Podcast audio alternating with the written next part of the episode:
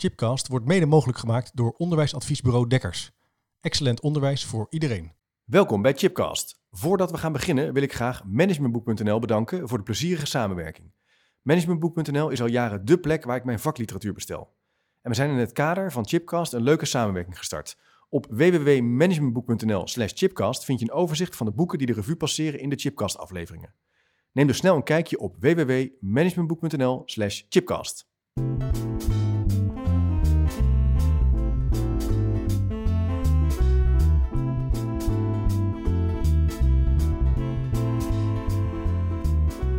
Welkom bij Chipcast, waar ik op zoek ga naar ongewone antwoorden en nieuwe perspectieven op vragen die mij bezighouden. Hartstikke leuk dat je luistert naar alweer aflevering 84. En dit keer is mijn gast Ivar Troost. Sommigen van jullie zullen hem kennen. Ivar is degene met wie ik al de hele podcastreeks optrek. Hij is als het ware een soort co-producer. Daar gaan we straks wel wat meer over vertellen.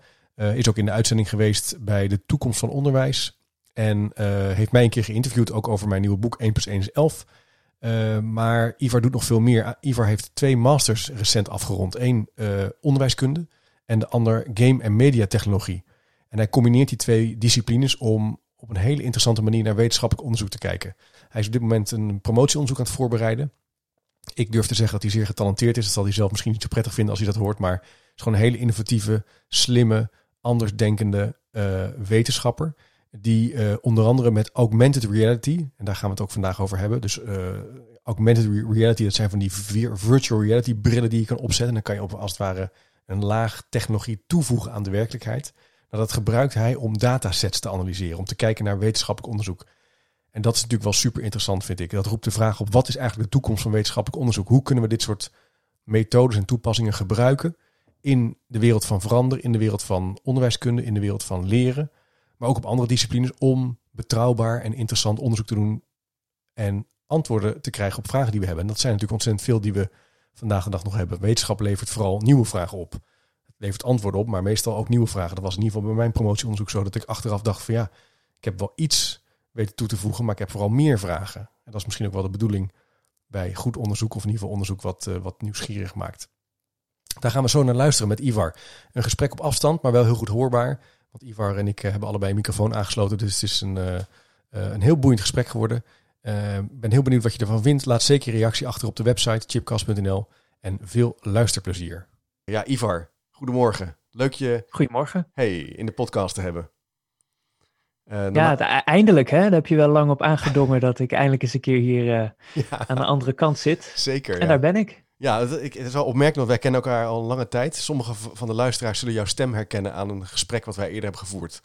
Over onder andere het 1 plus 1 is 11 boek. Maar ook eerder bij de toekomst van onderwijs hebben wij samen natuurlijk een hele reeks gemaakt. Ja. Maar wat misschien niet iedereen weet, is dat jij al vanaf het begin uh, trekken wij samen op in de podcast in de, in de chipcast. Je hebt eigenlijk de website gemaakt met mij nagedacht over hoe, hoe we het moeten opnemen. De opzet van de, van de gesprekken. Uh, nou, maar ook praktische zaken als uh, pagina's uh, vormgeven. Dat doe je ook. het hele programmeren, de software achterkant. En daarvoor, ja. Denk in organisaties, daar heb jij ook de hele website van gemaakt. www.denkinorganisaties.nl. Dat is het filosofieboek wat ik met Joost heb geschreven. Ja, als, als webervaring met animaties. En ja, dat is een leuk project. Dat is een heel leuk project, bewegende beelden. Dus dat waren alle filosofen. Spinoza, die kwam tot leven. Descartes, die ging aan, een, aan zijn wereldbol draaien. En dat maakte je allemaal. Vanaf je studentenkamer.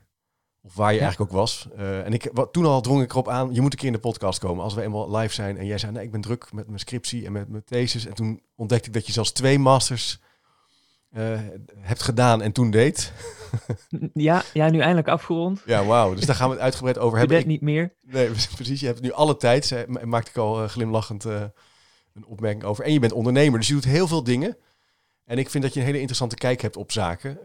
wetenschappelijk gezien gaan we de vraag verkennen... wat is eigenlijk de toekomst van wetenschappelijk onderwijs? Hè? Ja, of, grote ja, vraag, ja. belangrijke vraag. Ja, hoe gaan we kijken naar de wetenschap? Hoe kunnen we dat Jij, jij doet daar hele interessante, uh, jij hebt een heel interessante scriptie geschreven. Maar vertel heel even uh, die twee masters. Daar moet je even mee beginnen, denk ik. Uh, wat, wa wat, waren de masters en wat heeft je daarin bezig gehouden? Kan je daar een soort mini-samenvatting van geven? Jazeker. Ik, ik ben ooit begonnen in Liberal Arts and Sciences bij University College Roosevelt in Middelburg. Oh ja. en toen ik daar klaar was, heb ik allerlei, ik heb daar allerlei velden geproefd, geprobeerd. Computerwetenschappen, theater- media, studies, filosofie. Ehm, sociale geografie. En op een gegeven moment moest ik toch gaan kiezen wat ga ik dan doen met mijn master. En ik kon het niet laten om uh, toch twee richtingen te gaan combineren. Hm. En dat werd educatieve wetenschappen aan de ene kant uh, en computerwetenschappen aan de andere. Uh, game and media technology, om specifieker te zijn. en binnen de eerste heb ik me vooral gefocust op, op playful learning, ludic learning. Ludic learning? Ludic learning. en er zitten wat, wat principes aan. bijvoorbeeld ik denk een van de belangrijkste is dat, dat je niet kan falen in een spel. Oh ja, uh, Game over is niet falen, dat, dat zou je iteratie kunnen noemen. Je probeert het opnieuw, totdat je de vaardigheid hebt om het wel te kunnen halen. Oh ja. Ehm, het oneindige spel. Het, het leren is oneindig gericht op de ervaring en het aanpassen en het beter worden. Ja, exact. Ja, het is een andere manier van het framen van uh, leerprocessen. ja. Um, en daar heb ik uh, rond dat thema heb ik uh, het historielab opgebouwd in, uh, in Middelburg bij het, het Archief. Um, waar we leerlingen van, van de middelbare school aan het werk lieten gaan om hen met design, game design, de geschiedenis te laten overwegen. Dus het vertellen van verhalen, het ontwerpen van verhalen over de geschiedenis met historische bronnen, was een manier om over die historie te leren. Wauw, cool. Hoe ben je daar nou bij gekomen? Dat is een leuk, project.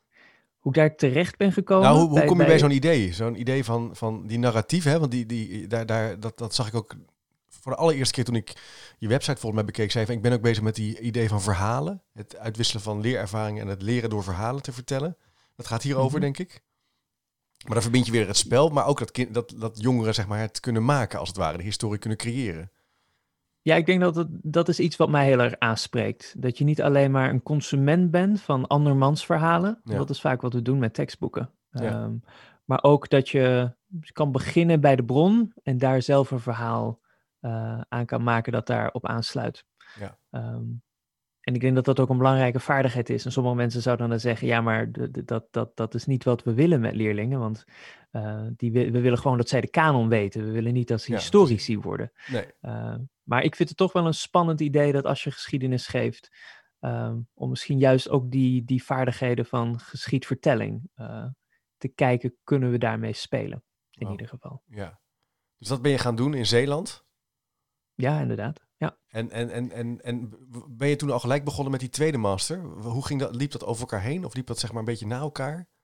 Nou ja, het oorspronkelijke idee was om het te combineren.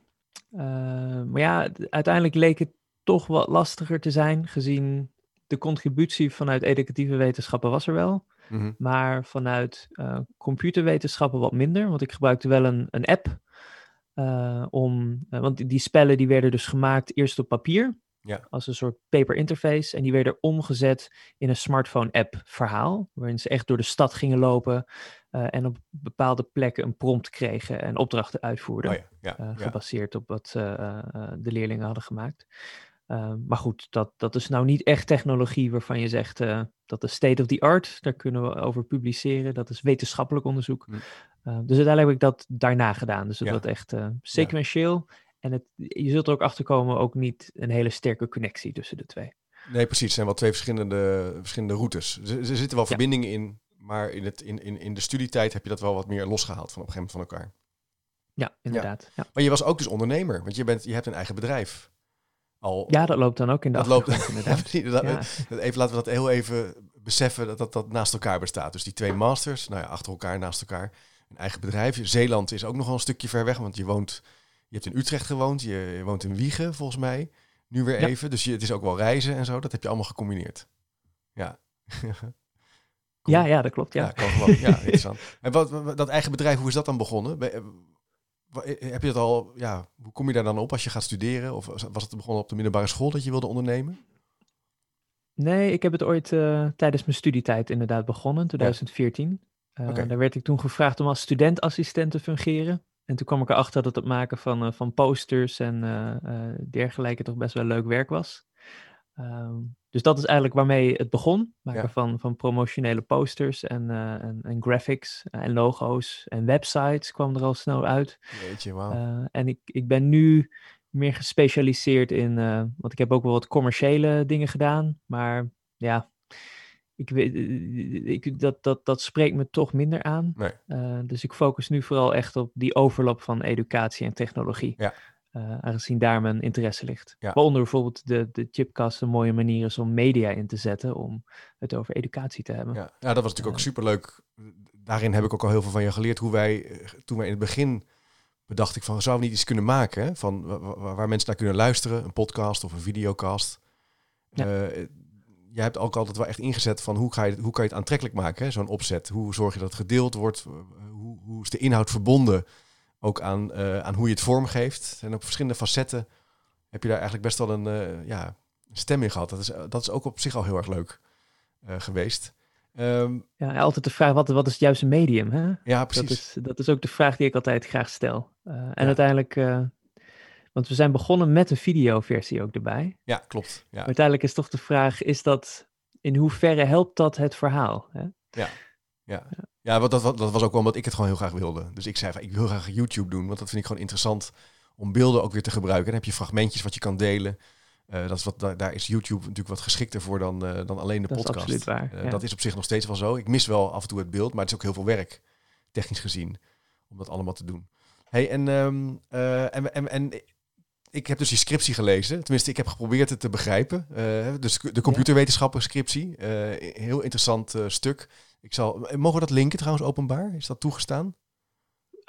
Ja, dat komt, dat komt allemaal in, de, in de Open Thesis bibliotheek. Dus, Kijk, oké, dan gaan we een linkje sowieso van, publiek. Ja, Ja. dan gaan we het graag aan je, je begeleiders Linda Hartman en Wolfgang Hertz. Hurst, moet ik zeggen. Ehm, Mhm. Even de titel, hè. Dus Supporting Relation Finding in Neuroscientific Text Collections Using Augmented Reality. A Design Exploration. Dus daar gaan we het onder andere over hebben. Eh, het is een hele complex, eh, complexe scriptie. Eh, voor mij, hè, ik ben dus niet technisch onderlegd. Eh, er zitten, er zitten Er videobeelden komen in. aardig wat facetten bij elkaar. Ja, er dus komen heel veel ja. facetten bij elkaar. Maar er zitten een aantal hele interessante vraagstukken zitten erachter. En, en om even een beginnetje te maken, waar we natuurlijk vandaag de dag mee te maken hebben, is dat, we, dat er heel veel data is. Er is heel veel informatie, er zijn heel veel papers, journals, er is heel veel wetenschappelijke kennis. Maar hoe ga je die kennis eigenlijk toepasbaar maken, zodat je het kan gebruiken Mhm. voor vervolgvragen? Dat is volgens mij iets waar we, waar, waar, we- waar we voor aan de lat staan. Niet alleen in de onderwijskunde, maar ook onder andere in de neu- neuroscientific eh, database, hè, waar jij dan eh, op hebt gericht. Hoe, hoe, Mhm. eh, klopt dat als ik het zo samenvat? Of zeg jij van dat, dat kan ik nog wel specificeren? Ja, nee, nee, dat, dat, dat is waar. Het, het, het probleem is ehm, dat we natuurlijk steeds meer publiceren en dat die hoop steeds groter wordt. Ja. Eh, en dat het daardoor ook lastig is om je altijd 100% eh, dat, dat te kunnen bijbenen. Ja. Eh, en alle facetten van jouw werkveld, om, om die in acht te kunnen blijven houden. Ja. En er dan toch de vraagstuk omhoog komt van, eh, aan de ene kant kunnen review papers kunnen waar best wel een goede manier integreren. Ja, precies. Eh, dan heb je natuurlijk, sneller kan je meer papers in je opnemen. ja, dus de review eh, papers voor mensen die nu denken, wat is dat? Dat zijn eigenlijk overzichtspapers waarin Exact, ja. verschillende wetenschappelijke aanpakken of studies worden vergeleken. En dan zeggen ze, nou, we hebben er 100 bekeken.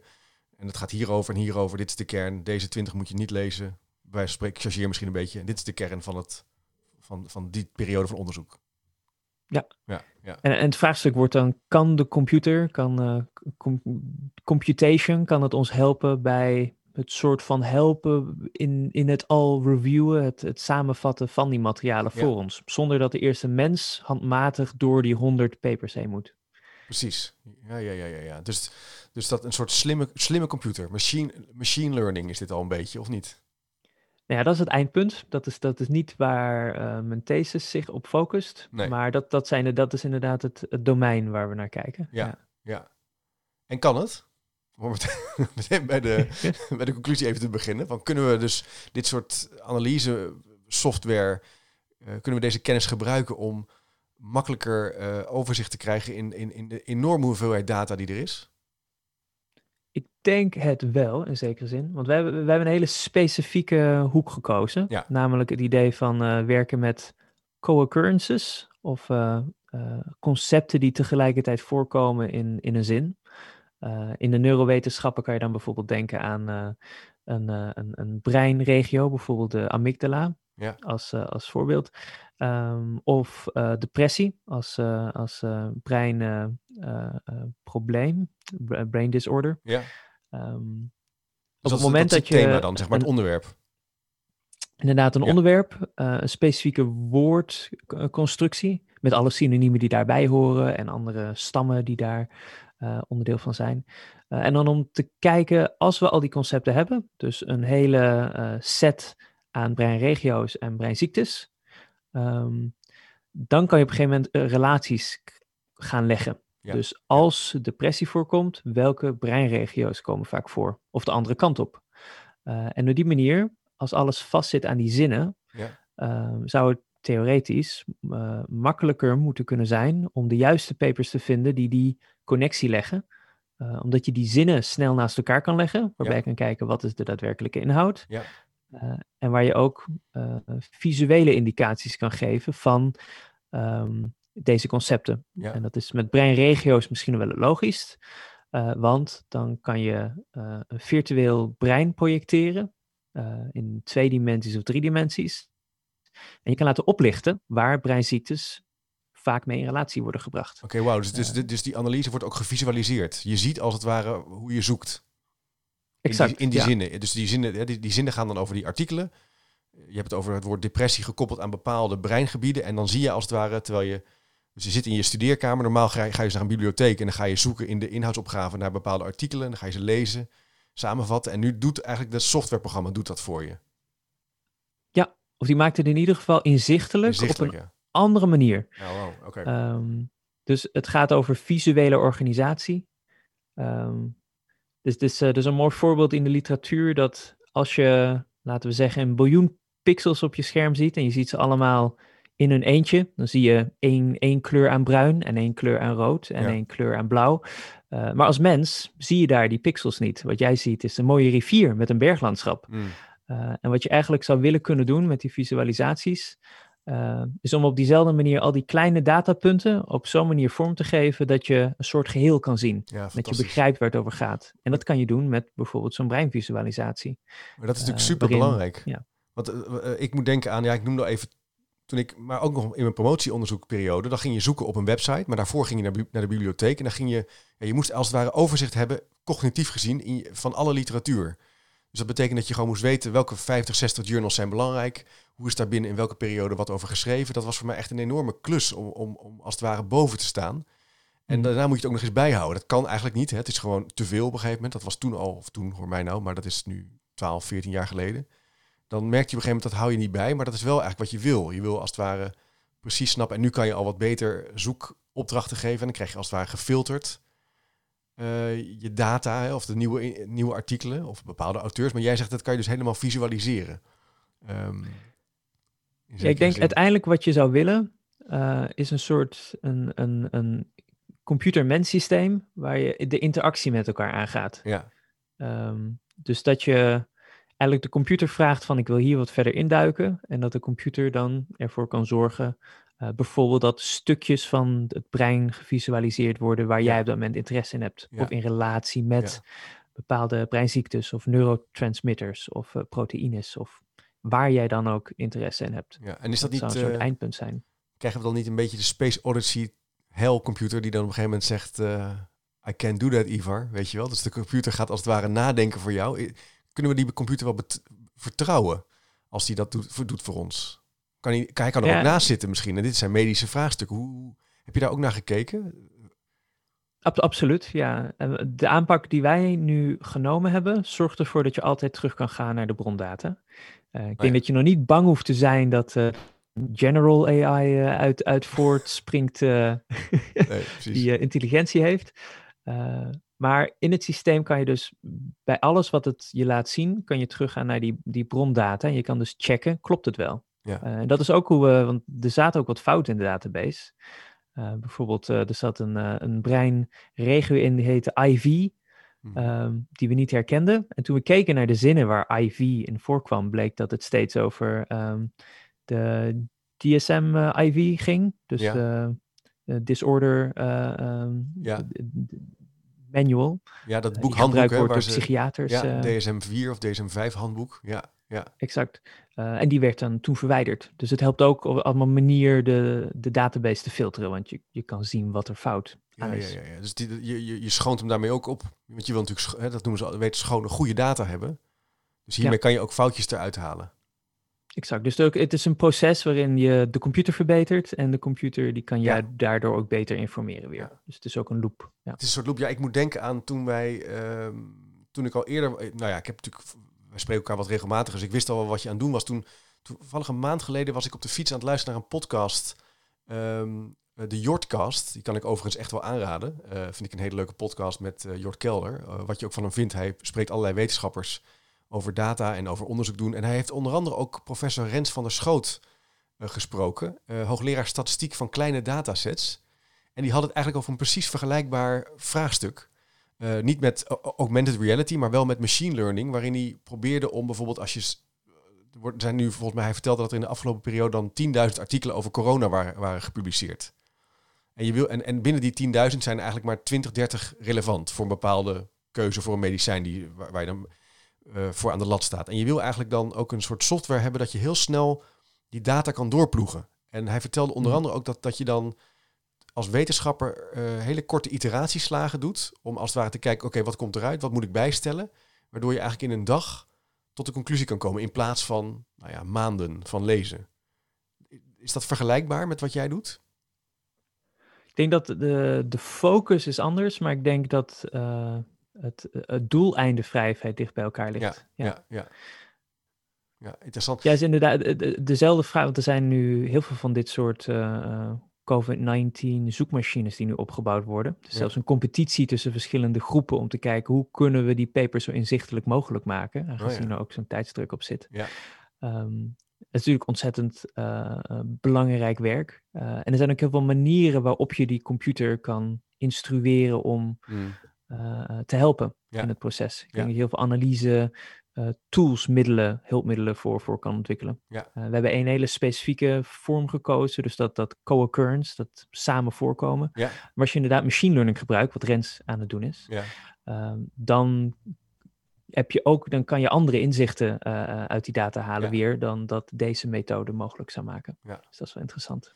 Super. En wat ik eh, even nog terug naar, jou, naar, naar jouw scriptie. Ja, ik maak af en toe wat uitstapjes, dat merk je wel. Maar j- jij hebt je ook gericht op die visualisatie. En eigenlijk ook wel hoe je je als mens relateert aan die data. Hè? Het is ook wel, je staat als het ware erin. Hè? Ik heb het een keer mogen opzetten. Het is een soort. Misschien kan je eens uitleggen wat je dan doet als je daarmee aan de slag gaat.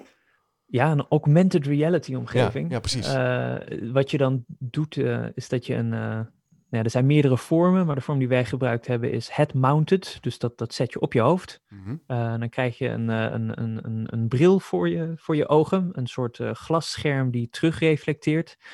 Eh, en als je hem dan aanzet, dan krijg je een, een overlay op je wereld met, met eh, 3D-virtuele objecten. En in dit geval zou dat dus een, een virtueel brein zijn. Ja. Concepten die door de lucht zweven, die je vast kan pakken.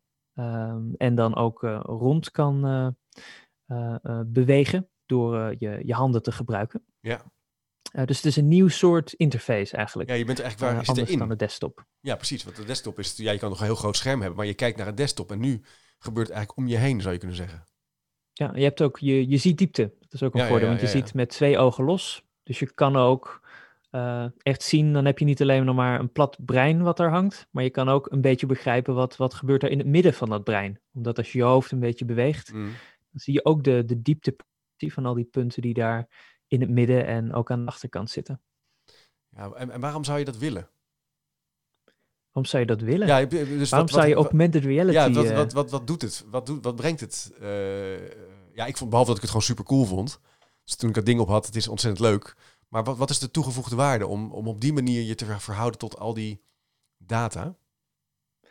Ja, ik denk de, de resultaten van ons onderzoek is, eh, dat is nog wel een beetje een vraagstuk. Mhm. Eh, er zitten natuurlijk voordelen aan en nadelen. Ja. Eh, aan de voordelenkant heb je dat je, en dit is ook een stroming in de literatuur die in ieder geval in, in educatie steeds belangrijker wordt, is het idee van embodied cognition, eh, be- belichaamde cognitie. Ja.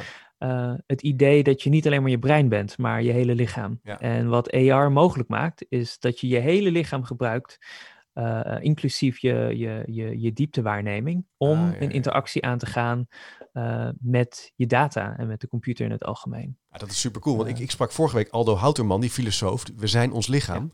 En die onderbouwt, die zegt ook van we zijn meer dan ons brein. We moeten ook op een andere manier gaan kijken naar, naar sporten, naar bewegen, naar denken. Dus dat, dat, even, even een linkje naar de vorige podcast dan toevalligerwijs. Oké, en embodied cognition, dat is een eerste punt. Ja. En wat je ook ziet uh, als meerdere mensen dat kunnen doen, uh, dat zie je in Dynamic Land. In, uh, in de Verenigde Staten is dat een, een, een, platform. Daar gebruiken ze ook augmented reality, alleen dan op stukjes papier. Dus die hebben projectors aan, aan het plafond hangen, ja. naar beneden toe. En dan projecteer je eigenlijk allerlei interactieve aspecten daar, inclusief ook data-analyse. en het maakt ook mogelijk dat je een soort democratiseert op een bepaalde manier ook. Het idee wordt uh, dat we niet meer individuele computers hebt, hm. maar het idee dat het gebouw de computer is. Ja. En dat iedereen interactie kan aangaan met dat gebouw, zo te zeggen. Ja, precies. Dus, de, dus een tweede punt is je democratiseert, of in ieder geval iedereen kan meedoen, iedereen kan participeren. In het, in het uiterste geval, hè, is het helemaal doorontwikkeld. En dat is, dat, dat, daarmee tel je natuurlijk denkkracht op, zou je kunnen zeggen. Als meer mensen kunnen participeren in zo'n wereld. Ja, het, het, is wel een toegankelijk paradigma, want het, het houdt ook bepaalde aspecten tegen. Als je zegt, uh, we willen eigenlijk het toetsenbord er een beetje uithouden, ja. Uh, dat betekent dat je al veel minder snel naar de programmeerkant gaat en dan veel sneller richting je moet gewoon iets op kunnen pakken. Want dat is uh, de enige interface die je hebt in, in het programma wat wij gebouwd hebben, is je pakt dingen op en je sleept ze ergens naartoe. Ja. Dat is het enige wat je doet. En toch kan je vrij complexe analyse daarmee opbouwen. Ja, ja precies. Dat is, en dat is pas één variabele, zou je kunnen zeggen, van, van doen. Zeg je ook. Dus je kan, ja. En je kan ook, dan kan je dingen combineren. Je kent eigenlijk bijna die gestalt-theorie interacties. Met je kan dingen in dingen doen. Het containerbegrip. Ja. Um, en je hebt natuurlijk ook nadelen. Um, op een bepaalde manier is zo'n scherm ook best wel efficiënt om mee, uh, mee te kunnen werken. Ja. Um, en je kan je ook de vraag stellen, is dat 3D wel echt nodig? Kunnen we dingen ook niet in 2D uitbeelden? Mm -hmm. uh, dat is ook vooral relevant als je het hebt over, want we hebben de, de breinregio's hebben een vrij duidelijke 3D-locatie. Uh, maar de, uh, als je het hebt over ziektes, ehm, die hebben we geplot naar topic. Um, een, een, een, topic model, dus hoe dichterbij punten in een wolk zijn, hoe gerelateerder ze aan elkaar zijn. Ja. Misschien een beetje moeilijk om over de radio zo over te brengen. Maar... Nee, maar ik snap wat je bedoelt. Naarmate de wolk dikker is, uh, zijn er meer relaties. Um... Oh, zeg, nee, het, het, gaat echt over de, de locatie van de punten. Locatie van de punten, oké, ja, ehm, ja, ja. Ja, dus stel je voor een klein cluster aan één kant van, van de plot. Ja. Uh, een klein 3D-wolkje. Dat zijn dingen die blijkbaar iets meer met elkaar te maken hebben dan een wolkje aan de andere kant. Oké, check. Ja, ja. ja. Um, de vraag is, is dat zinvol boven een 2D-versie? Want wat je met zo'n 3D-plot kan doen, is dat mm. je er nog een dimensie van afhaalt. En dat je gewoon een mooi plat landvlak hebt, uh, wat je dan kan gaan analyseren. Ja. Um, dus is ook de vraag, waar is het zinvol om 3D te gebruiken? Ja. Uh, waar helpt het met het begrijpen van de data? Ja. En waar maakt het het moeilijker? Heb je meer cognitive load, zoals ze dat dan zeggen? Uh, dat je meer denkkracht vereist. Denkkracht, ja precies. Eh, qua computer of qua mens zijn? Qua mens. Qua mens zijn, oké. dus het vraagt de computer kunnen we altijd upgraden, maar de mens, mens niet, dat is waar we omheen ja, moeten nee, Oké, cognitive load is dus, een, dus het vraagt gewoon meer van je. Ja. Dus ik moet overigens even, ja, ik was gisteren naar een VR-room uh, eh, met mijn kinderen. En daar konden ze, oh. dus ook in een 3D-wereld, uh, konden ze dan, gingen ze sneeuwballen naar elkaar gooien. Dan moest je een iglo bouwen, ook oppakken en dingen neerzetten. En dan ging je dingen naar elkaar gooien. Ik zit te denken, ja, eh, het is misschien niet heel educatief, maar het is het feit dat het kan, alleen al, is misschien ook de reden om het te doen. Hè? Het feit dat je zo'n spel kan spelen, of het überhaupt bij jullie, dus dat je dus op zo'n manier iets kan visualiseren, is een vorm van een soort ontdekkingsreis in zekere zin. Hè? Dat je op een andere manier naar data kan kijken en hoe je je verhoudt tot die data. Je bent steeds meer onderdeel van, je staat er steeds meer tussen in plaats van dat je er buiten staat. En dat is ook bij zo'n spel ook zo, bij zo'n VR-room. Die kinderen, ja, het, het is gewoon onderdeel van hun die, van die wereld, zeg maar. En, en, ja, dat is ook al een reden misschien om het te doen. Een soort ontdekkingsreis. ja. Uiteindelijk, uh, hebben, eh, hoe ik het geframed heb, is ook dat het een beetje een speculative future uh, ja. spin heeft. Ja, ja, dus ook echt kijken wat is er in de toekomst mogelijk en is dat wenselijk? Ja. want dat zijn de vragen waar we nu in zitten, denk ik, met hoe ver AR gevorderd is. Ja. Je ziet nog geen mensen die, die rondlopen met AR-brillen nee. in de stad. En de vraag is nu, wat, wat, wat is wenselijk aan die technologie? Hoe kan het ons helpen? Ja, helemaal in de wetenschap. Maar kijk, wat, wat, wat natuurlijk wel opmerkelijk is, dat als je kijkt naar Silicon Valley, waar wordt nu het grote geld geïnvesteerd? Dat is allemaal augmented, of allemaal. Er is een heel groot, gaat heel veel geld naar augmented reality. En naar het visualiseren van hè, de zelfdenkende computers, zelfrijdende fietsen, uh, auto's, drones. Maar ook uh, dat Google straks als het ware kan projecteren uh, op je ogen. Dus, in plaats van dat je nog een scherm nodig hebt. Dus die verbinding tussen computer en mens, die is wel, ja, die, die is aan het vervagen. Ja, als je het zo stelt, uh, je hebt natuurlijk de hele transhumanist uh, movement. Dat, dat, is helemaal radicaal, ja. Inderdaad ook vragen stellen over, wordt het niet de tijd dat we, dat we stoppen mens te zijn en meer worden dan mens? Ja, ja ik vond dat, dat is, ik, ik luisterde ooit naar, twee jaar geleden naar een podcast bij Joe Rogan. Er was ook een of andere IT-man die zei, ja, de computer is een onderdeel van de evolutie. Dus straks zal de mens ophouden te bestaan en zal de computer doorgaan in een nieuwe evolutievorm. Dus dat, dat is helemaal wow, dat je denkt. Maar goed, terug naar de hoofdvraag. Want we willen. Dit, jij bent wetenschapper, jij houdt je bezig met dit soort vraagstukken. En we hebben al wel een aantal variabelen nu verkend van de toekomst van wetenschap. Gaat dus over die verbinding. Maar ja, je hebt wel te maken met die cognitive load. Je kan maar zoveel aan als mens uh, in zo'n systeem. Op een gegeven moment zit je gewoon vol met, met, met data. Dus hoe ga je, dat dan, hoe ga je daar dan mee om? Nou, ik denk dat dat, dat, dat zijn grote open, open vragen die we, die we willen gaan beantwoorden. Ja. Um, kan je hoe kan je het best die, onderzoeker faciliteren in een proces? Want uiteindelijk wil je dat aanvullen.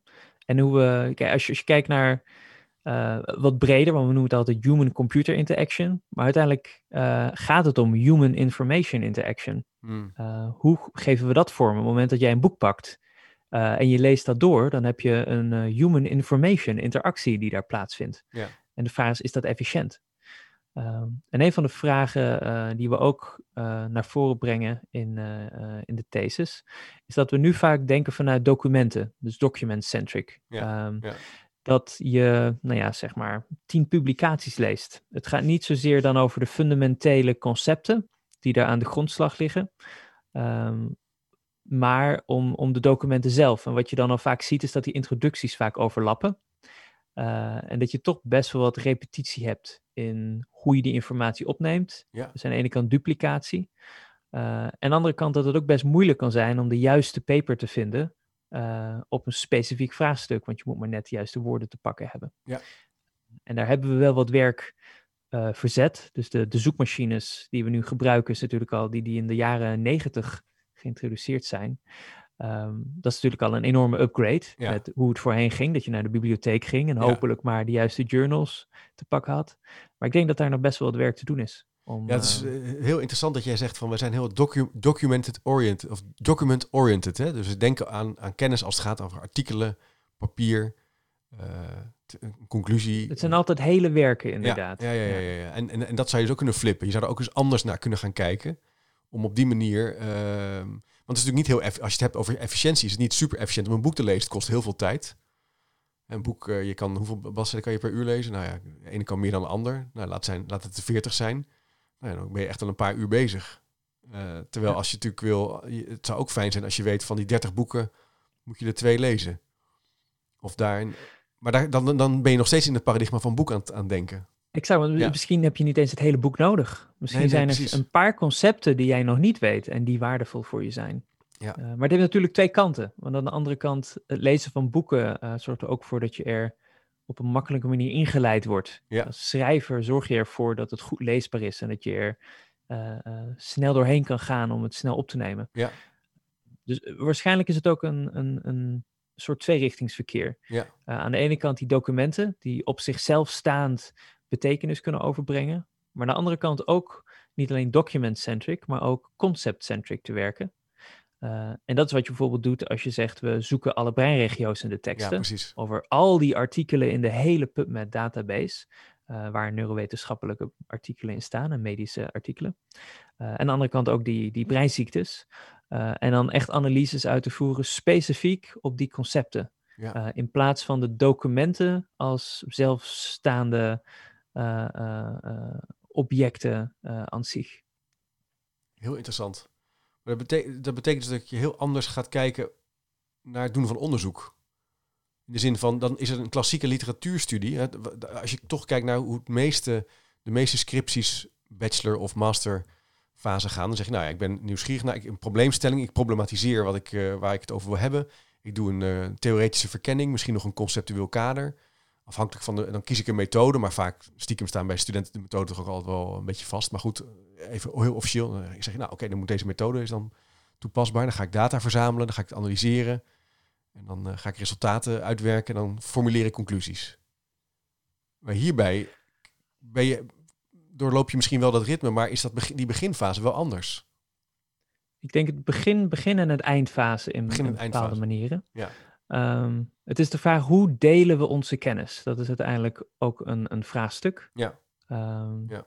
Ik, heb, ik heb er wel over nagedacht. Ik weet niet of er iets beters is dan document-centric als, als startpunt.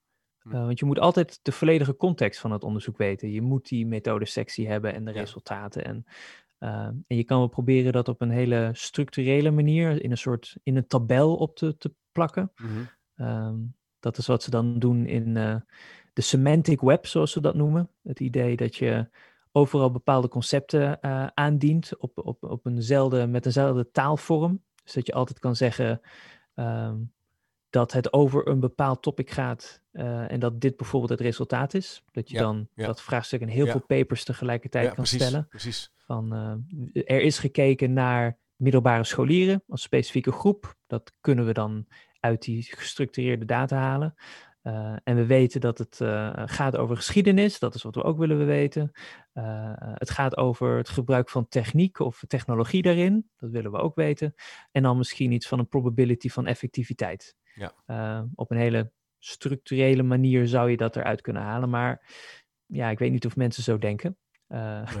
Op die manier. En of het prettig is om papers te schrijven op zo'n manier. Nee, dat is waar. Ehm. Nee, maar wat ik wel denk, als je het zo zegt, is dat het echt hoog tijd is dat dit soort inzichten dan ook verbonden worden met andere disciplines. Dus je, je, je zou juist volgens mij heel veel winst kunnen halen door deze aanpakken of methodes te verbinden aan, nou ja, ik noem maar, een bedrijfskundestudie of een onderwijskundestudie of een psychologiestudie of een, nou ja, fysiotherapiestudie. Eh, om juist gebruik te maken van die, want aan, de, aan jullie, of aan jullie kant, hoor mij nou, maar aan deze kant van het domein van de wetenschap zit dus een enorme vernieuwing. Is er gaande eigenlijk.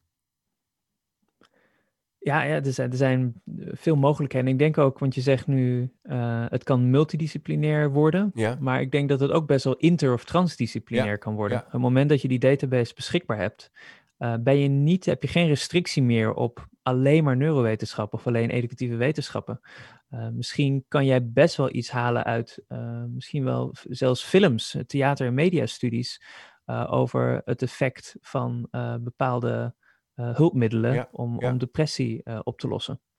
Eh, en misschien zijn die uitstapjes naar andere velden ehm, kunnen ook Ja, best wel wat opleveren. super. En zo'n systeem maakt dat natuurlijk heel erg makkelijk om dat te doen. Ja, je noemde dat jullie dat systeem Datar. Spreek het goed uit? Of? Datar is eh, inderdaad eh, het woord datar of eh datar of ja, alles wat daar blijkt klopt Is dat, dat is dat, dat, dat, idee van, dat, van, van, van die virtuele ruimte eigenlijk. En jij zegt dus echt, dus je kan dus hele spannende combinaties maken om, om nieuwe kennis en nieuwe problemen op te lossen.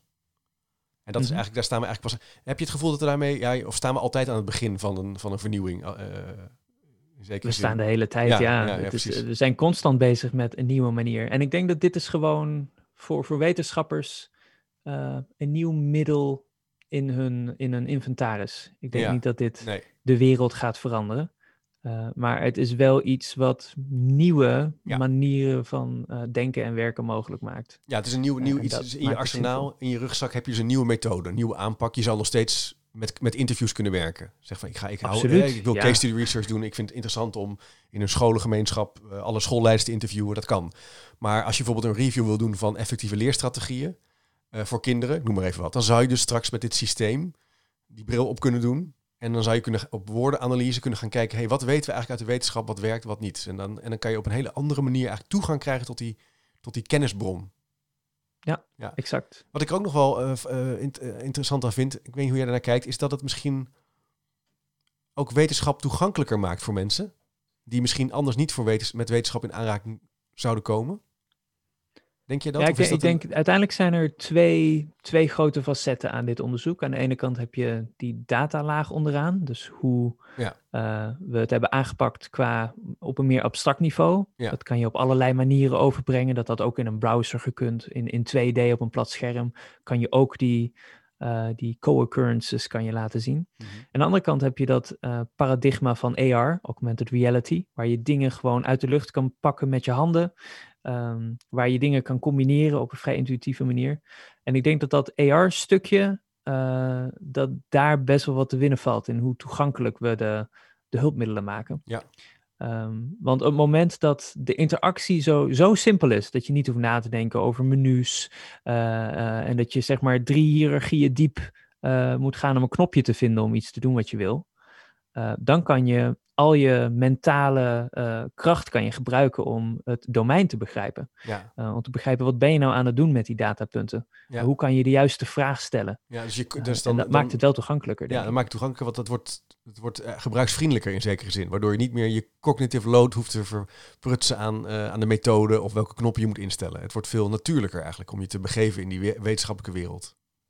Ja, want ide- idealiter, als je met een computer werkt, dan, dan heb je een bepaalde intentie. Ja, Eh, idealiter zou je die zo snel mogelijk willen inzetten, zodat je een volgende stap kan gaan maken. In plaats van dat je de handleiding erbij pakt en Ja. kijkt, oké, waar zit eh, deze menustructuur? Ja.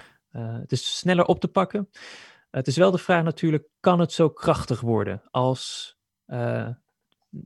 zeg maar meer ingewikkelde eh, interfaces met wel van die diepe menus? ja. Eh, maar ja, dat is, dat is ook nog wel een beetje een, een open vraag. Kunnen we daar slimmer mee omgaan in zo'n AR-omgeving? ja, want waar denk je dan aan? Denk je gewoon aan computerkracht dan? Of, of snap ik het nu niet goed? Of... Nee, eh, als ik het heb over krachtig, in de zin van de complexiteit van de analyse die je kan uitvoeren. Ja, precies. Kan je dat Ehm, gewoon... Ja, bijvoorbeeld ja, als je zo'n statistiekprogramma hebt, dan kan je een staafdiagram of een, eh een taartdiagram. Je kan, je kan eigenlijk alles maken wat je zo kan bedenken. Ja. Ehm, de vraag is, kan je dat zonder menus en ingewikkelde structuren ook in AR mogelijk maken?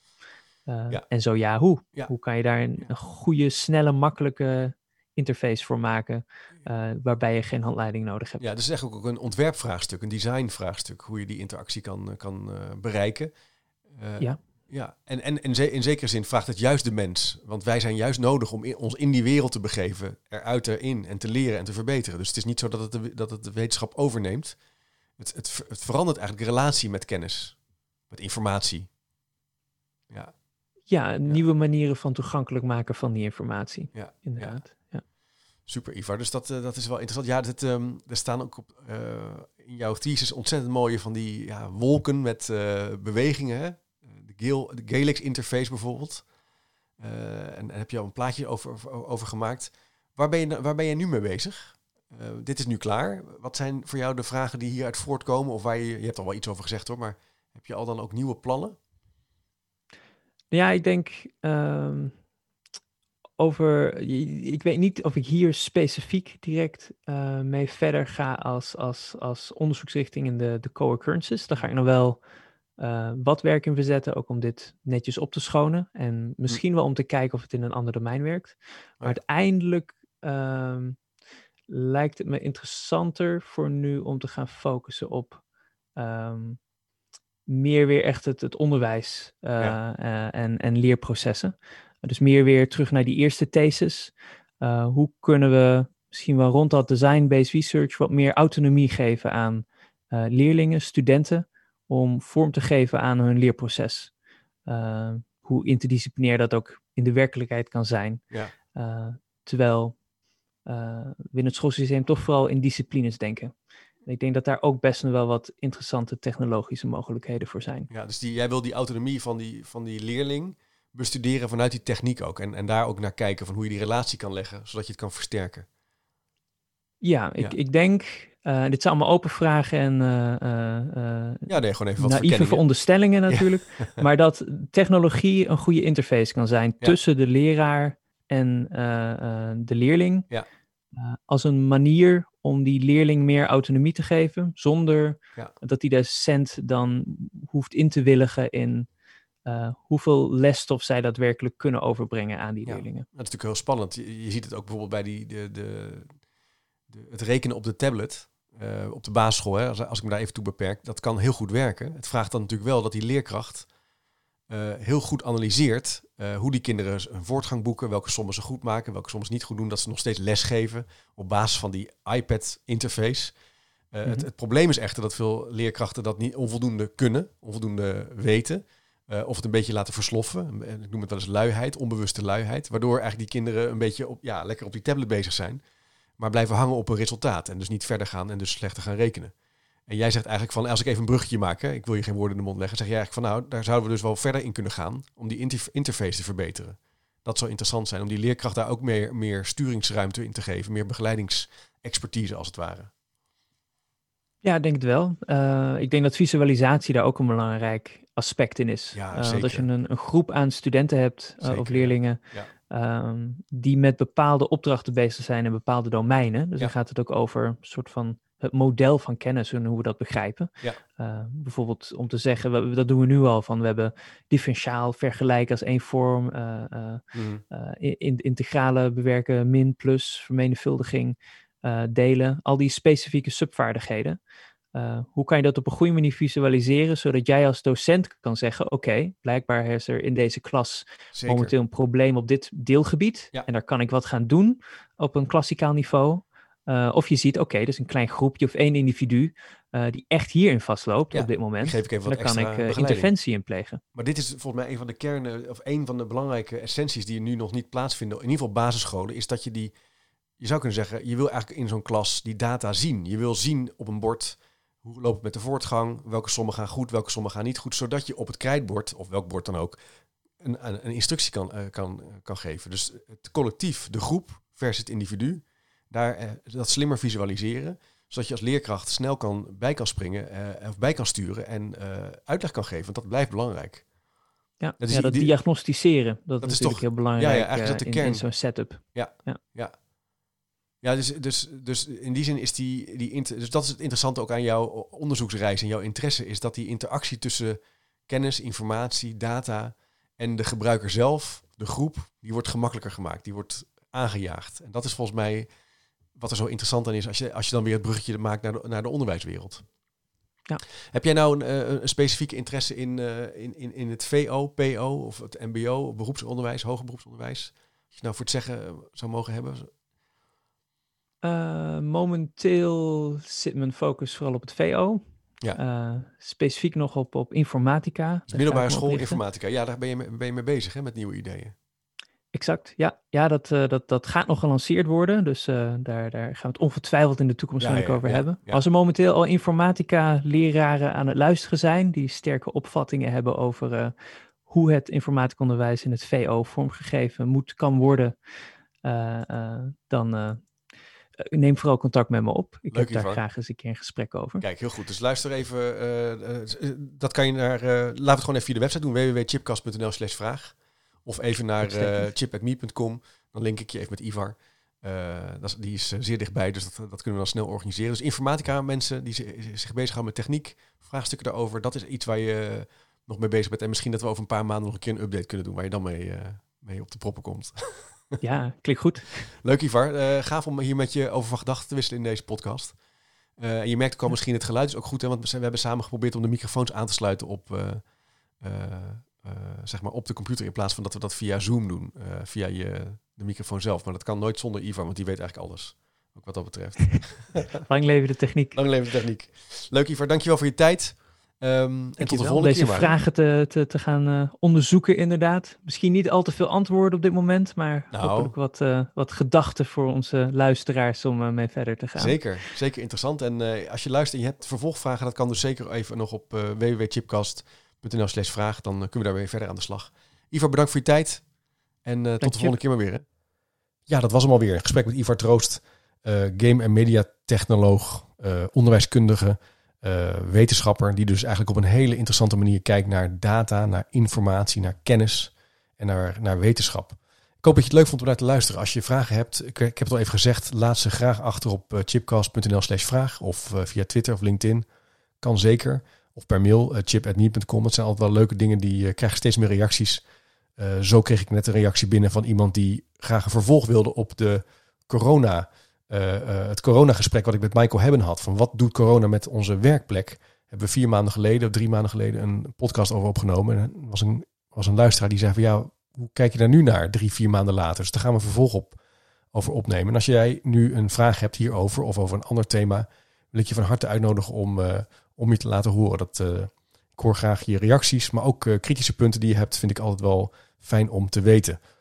Um, schrijf je ook zeker in voor de nieuwsbrief chipcast.nl slash doe mee. Dan krijg je gratis even niets om de week de nieuwsbrief met updates, linkjes naar boeken en de, het e-book van Speakboekjes voor managers met alle managementmodellen in één boek samengevat, gratis en voor niks. Fijne zomer en tot de volgende keer.